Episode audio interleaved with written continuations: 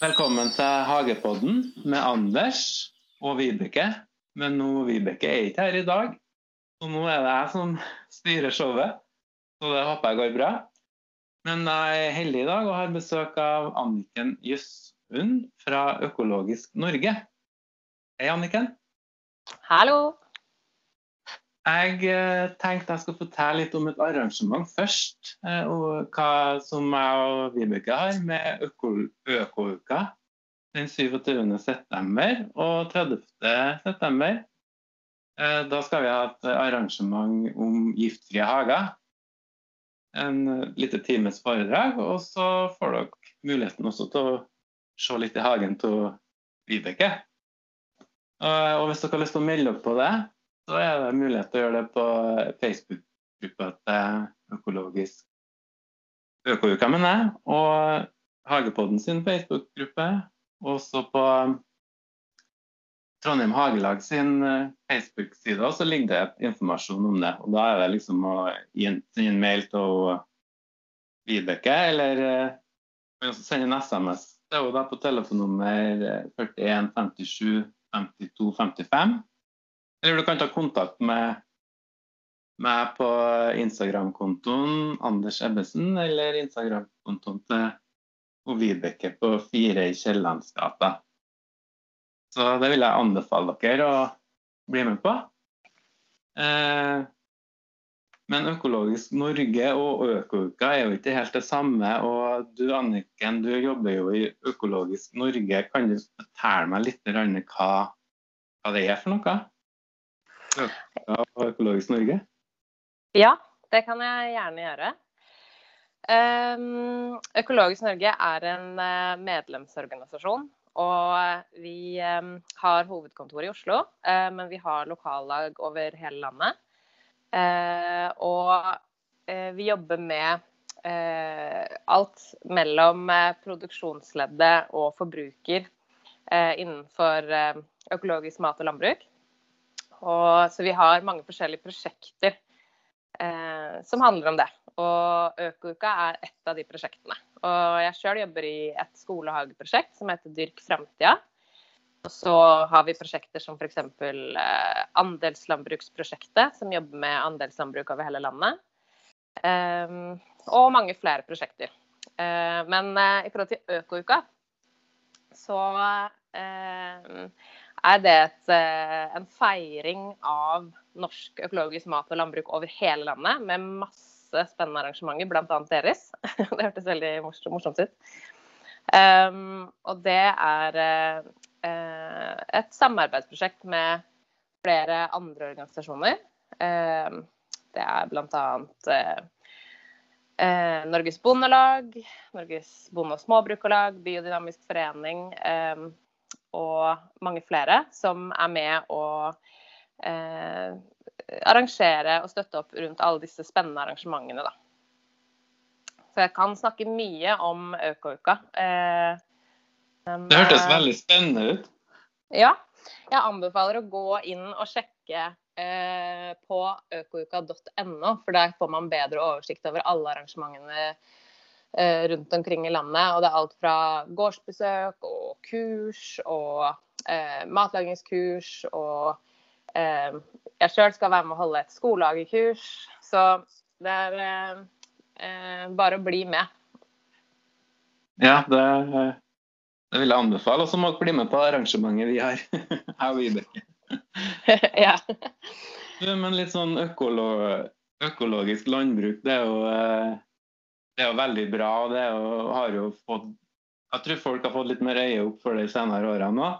Men innen hagebruk og i hager og sånn, så er det kanskje ikke så lett å, være økologisk. Har du noen tanker om det?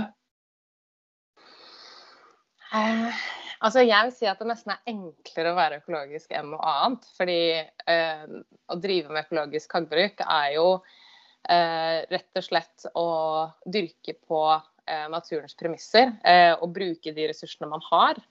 Eh, så eh, hvis man er interessert i det, så tenker jeg at eh, altså På en måte så tenker jeg at du har litt rett. Eh, F.eks. det å skaffe økologiske planter, eller um, Man må liksom gjøre ting litt sjøl, men det er jo det som er morsomt med hage òg. Og liksom forske litt. Det er jo liksom et sånn arbeid man uh, Man blir jo aldri helt utlært. Nei, man lærer noe hele tida. Og jeg tror at mange tenker over at vi er økologiske uten at vi kanskje vet det. For at flestene i dag de har f.eks. en kompost, og vi tar vare på hageavfallet og prøver å bringe tilbake ting i hagen, da, mer enn kanskje vi gjorde før. Ja. ja. altså Hvis man skal på en måte se mer på liksom, definisjonen av hva økologisk landbruk er, eller også hagebruk, da, så er det jo det å eh, dyrke på eh, jordas eller naturens premisser, men, men, å ikke bruke sprøytemidler og kunstgjødsel, som veldig eh, overfladisk sagt. Eh, men det har jo inntrykk av at veldig mange som driver med hage, nødvendigvis ikke gjør heller. For det er som du sier, det der med kompost og, og, og bruke de ressursene man har. Men en, altså f.eks. sånn som løv, da, som jeg har lagt merke til at mange hagebrukere liksom eh, eh, raker sammen og kjører til nærmeste avfallsstasjon. Det er f.eks. et godt eksempel på en ressurs som jeg tenker at man kanskje kan bruke mer av da, inn i hagen og kompostere sjøl. Mm. Og det er litt sånn det foredraget jeg og Vibeke skal ha om, om eh, giftfrie hager, så er det litt sånn holdningen man skal ha til ting. ikke sant? Om man har en rose som har litt lus og har litt sånn rust eller noen flekker, eller klarer du å se at rosen er fin selv om du har tre-fire blad som er litt angrepet av noe? Må ja. du finne en løsning på sprøyte, eller kan du bare leve med det, eller plukke bort de tre bladene? og Det er liksom den holdninga vi skal ha, tenker jeg at vi må forandre litt på innstillinga vår. Ja, det tror jeg du er veldig rett i. Um, jeg sjøl jobber jo mye med skoler og skolehage. Og uh, jeg tror at vi er uh, sånn generelt litt opptatt av at uh, hagen skal være veldig sånn ordentlig og ryddig. og at det skal være, vi som mennesker skal liksom kontrollere naturen litt. Og det er som mm. du sier, det der å skifte perspektivet og tenke at liksom, vi er en del av samspillet. men av alle organismer og liv som er i hagen, har også en plass. Da, og heller prøve å på en måte tilrettelegge for det, i stedet for å, å skulle bekjempe det. Uh, det... Ja, altså, og, og f.eks. sånn lus og sånn er jo som regel midt på sommeren på det varmeste, så kan du ha et uh, utbrudd av lus på rosene. Men det går som regel av, bort av seg sjøl hvis man har litt tålmodighet og venter litt. og Man kan bare spyle av det litt med vannslange. og naturen har en evne, evne til å ordne opp litt i det sjøl hvis man er litt tålmodig. Ja, det tenker jeg òg. Um, så tenker jeg hvis du har noen lus på, på, rosene dine, så kanskje du heller skal la de være akkurat der, og så slipper du å få lus over det hele, på en måte. At tenker at liksom OK, da fikk, eh, da fikk lusa rosene i år, og det får være greit, liksom. Man må på en måte samarbeide med Eh, med økosystemet sånn generelt. Og så tenker jeg at Hvis man har et veldig spesifikt problem, um, eh, f.eks. mye lus, da, så kanskje er det et symptom man må se på at f.eks. lus kan jo komme med av um, tørke, f.eks. At uh, kanskje trenger uh, rosene dine litt jevnere tilgang på vann. Um, og da heller liksom gå mer på symptomene enn å tenke at man skal liksom drepe lusa da, uh, mm. med gift. Det har jeg merka veldig her i Trøndelag. for det var I juni og juli så var det veldig tørkesommer, og da fikk du automatisk en liten sånn oppblomstring. Men så kom regnet, og så ordna seg litt opp.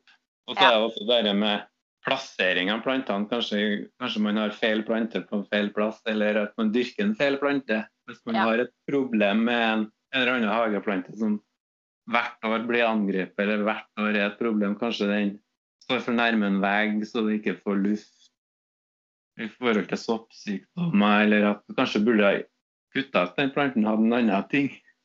Ikke sant. Ja, men det tenker jeg òg. Og heller prøve å liksom tenke litt sånn ja, helhet, og ikke um, uh, uh, bli så stressa av sånne småting, da.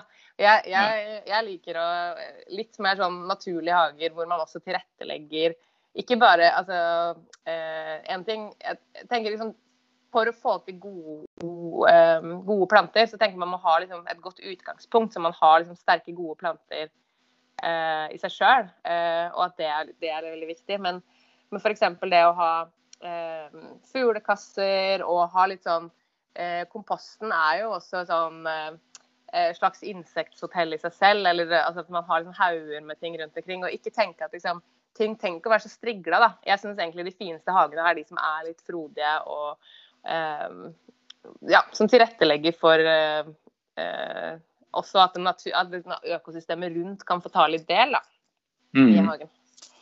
Det tror jeg eh, har du veldig mye rett i. At man eh, tar vare på livet og jorda og alt med at man Ja.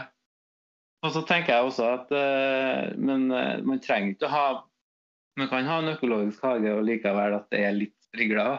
Det er lov, det òg? jo da. Jeg mener ikke at jeg mener ikke at man skal liksom ta helt av med det, men, men f.eks. det med å, å, la deler av plena få lov å, å vokse til, og at det kommer eh, flere eh, markblomster opp, og som er bra for insektlivet. Det er liksom noen trender som jeg tenker at eh, er fint. da, og Ikke at nødvendigvis at det er rotete for det om, men, men, at man ikke skal være så veldig redd for det det å liksom gå rundt og helle gift på mosen mellom brostein og sånn, det er liksom Vi har vært liksom Det har vært litt fokus der, men jeg tror det er i ferd med å skifte litt. Ja, det tror jeg. Jeg har jo sjøl en eh, sånn stor sirkel på plenen min som jeg har eh, bare lar få vokse opp. Og som jeg har sådd litt sånn engplanter i og planta litt løkblomster i våren. Og det er jo veldig fint. og liksom det, Når den står i flor, er det første folk kommenterer, og den enga. Så det kan bli veldig fint, det òg. Ja. Det, jeg, jeg, tror det, jeg, tror det, er veldig eh, jeg tror det er veldig trendy akkurat der. Jeg liker å tro det i hvert fall. Eh, jeg sjøl har i hvert fall også akkurat en sånn sirkel som du snakker om der, i min egen hage. Så jeg på hersen på høsten og sånn. Jeg føler meg liksom som en bonde i byen med den lille, lille høydotten jeg klarer å lage til. Ja, det er bra. Det er bra. Men så er det mange hageeiere som eh, når de har f.eks. lus eller har en eller annen eh, meldugg eller noe, så har de, får de sånn kjerringråd. Eller at om det er ugress, så skal vi skal ha på salt imellom hellesteinene der og lage noen sånn såpeblandinger med olje og rødsprit og bakepulver og alt mulig sånne hjemmelaga blandinger og sprøyter. Det også mm. er jo egentlig et, eh, er jo ikke helt bra, det heller. Hva tenker du om det? Jeg tenker at Hvis man holder seg til mer eller mindre naturlige ingredienser, så kan man jo teste det ut. Altså eh, chili og hvitløk og sånne ting. Eh, mm. Min erfaring er at eh, jeg har, hadde hatt noen år hvor jeg holdt på så mye med det at jeg fikk helt vondt i fingeren av å gå rundt og spraye og spraye og spraye, og det hjalp egentlig ikke så veldig mye, må jeg innrømme. Uh, så um, jeg tenker at altså, litt på samme måte som at vi sier at man i år er det plommeår, i år er det epleår og sånne ting, så tror jeg man må også tenke litt sånn helhet på plantesykdommer og insektangrep. At uh, eh, f.eks. i år har det vært masse kålorm. Uh, og det er kanskje ikke akkurat bare i din hage, men det er faktorer som er trygga av klima og miljø rundt, som man kanskje ikke kan gjøre så mye med. Så jeg tenker at man kan få gjøre det man kan av mekanisk fjerning og tiltak som ikke på en måte inneholder gift. da. Mm. Og så, hvis det ikke hjelper, Altså F.eks. insektsnett er jo liksom bare eureka i forhold til uh, mye ting i kjøkkenhagen. da. For eksempel, som er jo veldig sånn enkelt tiltak, og som ikke nødvendigvis innebærer noe gift eller noe sånt. Og Eh, sånne type tiltak er jeg veldig fan av. Uh, og de tingene som ikke funker, så er det litt sånn ja vel, så prøver vi igjen neste år. Mm. Og det er litt sånn det med kål kålfluene også. Eller det kan jo være invasjon i ett år, men det betyr jo ikke at det er det neste år, som du sier. også. Og, men jeg, jeg tenker nå at med sånne egne blandinger, at det kan jo være litt dumt hvis man Kanskje man må få litt kunnskap om hvordan ser en larve til marihøna ut som spiser ja. lus og sånn. ikke sant? Ja. For når du lager såpeblanding og sprøyter ned på, så tar det også livet av dem hvis du har noen nyttedyr der. Det gjør det, absolutt. Selv om det ikke er så giftig i seg sjøl med såpe, men Nei, jeg ville, jeg ville, holdt meg unna såpe, altså. Eh, men, eh, men eh, sånn generelt så tenker jeg litt at at man Vi er jo ganske privilegerte i Norge fordi de fleste som holder på med hagebruk, gjør jo det fordi de syns det er hyggelig og det er rekreasjon når man lærer noe av det, ikke fordi vi på en måte er helt 100 avhengig av den maten. Og da tenker jeg at da har vi på en måte rom for å teste og prøve og feile litt, og også være litt avslappa på det. da, og ikke eh, jeg tenker det er litt med den innstillinga som du snakka om innledningsvis. At man på en måte jobber med naturen istedenfor å jobbe mot den. Det blir, faktisk, det blir litt hyggeligere. Eh, og I stedet for å skulle bekjempe ting hele tiden. Eh, heller tenke hva, hva, kan, hva, slags tiltak kan man gjøre. Enten preventivt eh, eller, eller eh, rett og slett ved å eh, eh, ja, prøve igjen neste år, da, hvis ikke de tiltakene man gjør, virker. Mm. Ja, det er som du sier, å være preventiv og ta ting tidlig. Du, når man har en hage, så har man et relativt lite areal. Det er ikke sånn at du har mange mål med en monokultur. så det er litt lett å se om noe er litt Du kan knuse det med fingrene, eller du kan ta bort de få bladene, eller klippe bort det hvis det er noe skudd som er veldig mye lus på, eller noe. Du kan eh, være mer aktiv, for det er så lite areal du har kontroll på, så du kan liksom ta deg en tur en gang om dagen, eller noe, så skjer det noe med en gang, liksom. Ja. Det tenker jeg også er veldig fint. Og så er det litt sånn året eh, sånn som eh, Sånn som i min hage nå, så begynner det jo på en måte Da er det høsten og ting eh, ser kanskje ikke helt sånn eh, tipp topp ut, men, men, det er sånn det er, på en måte. Og også det er liksom naturens gang, å heller liksom godta det litt. At eh, mm. Eh, det, er et, det, er jo ikke et, showroom for noen andre, liksom. Det er jo for at man selv skal ha det hyggelig og fint i hagen sin. Så eh, ja. Ja, vi er jo alle litt forskjellige mennesker. og Det mest, mest vises veldig godt på hagene vi har, at vi alle har hva vi liker og hva vi ikke liker. Og vi har jo også en sånn liten sånn spalte i Hagepodden om hva som skjer i, i hagen din. Og her, jeg jeg tenkt å si litt, I min hage nå så har jeg jo hjortetrøst med en veldig fin støvde som er veldig høy, som blomstrer ja. nå på høsten. Eh, sånn skjermplante, tror jeg. Mm. Og, eh, med masse bier og blomster på.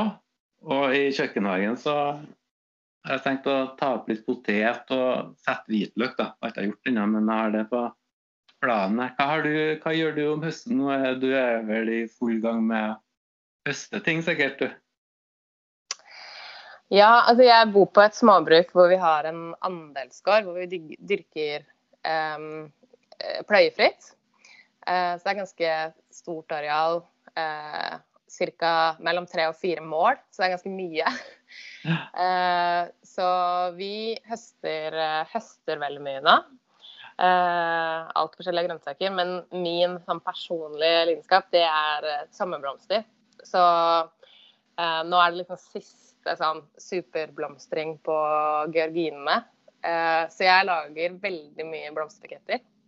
det syns jeg er supergøy. Det er så eh. artig. Det blir liksom sånn, nå er jeg liksom overskudd, så nå kan man fråtse litt på den tida her med god samvittighet. Ja, jeg syns det er supergøy. Og så begynner det å bli litt sånn høstfarger på uh, bringebærbusker og blåbærris og sånne ting som liksom blander inn. Så jeg syns det er supergøy å, uh, å, holde på med det. Men ellers er det også uh, høstfrø. Det syns jeg er liksom en sånn Det har jeg fått litt øynene opp for, apropos det å liksom holde ting ordentlig i hagen, så har jeg tidligere vært så, utro, vært så flink på å liksom knipe vekk alt som var liksom stygt og gammelt, og også knipe vekk ting um, før det rekker å sette frø.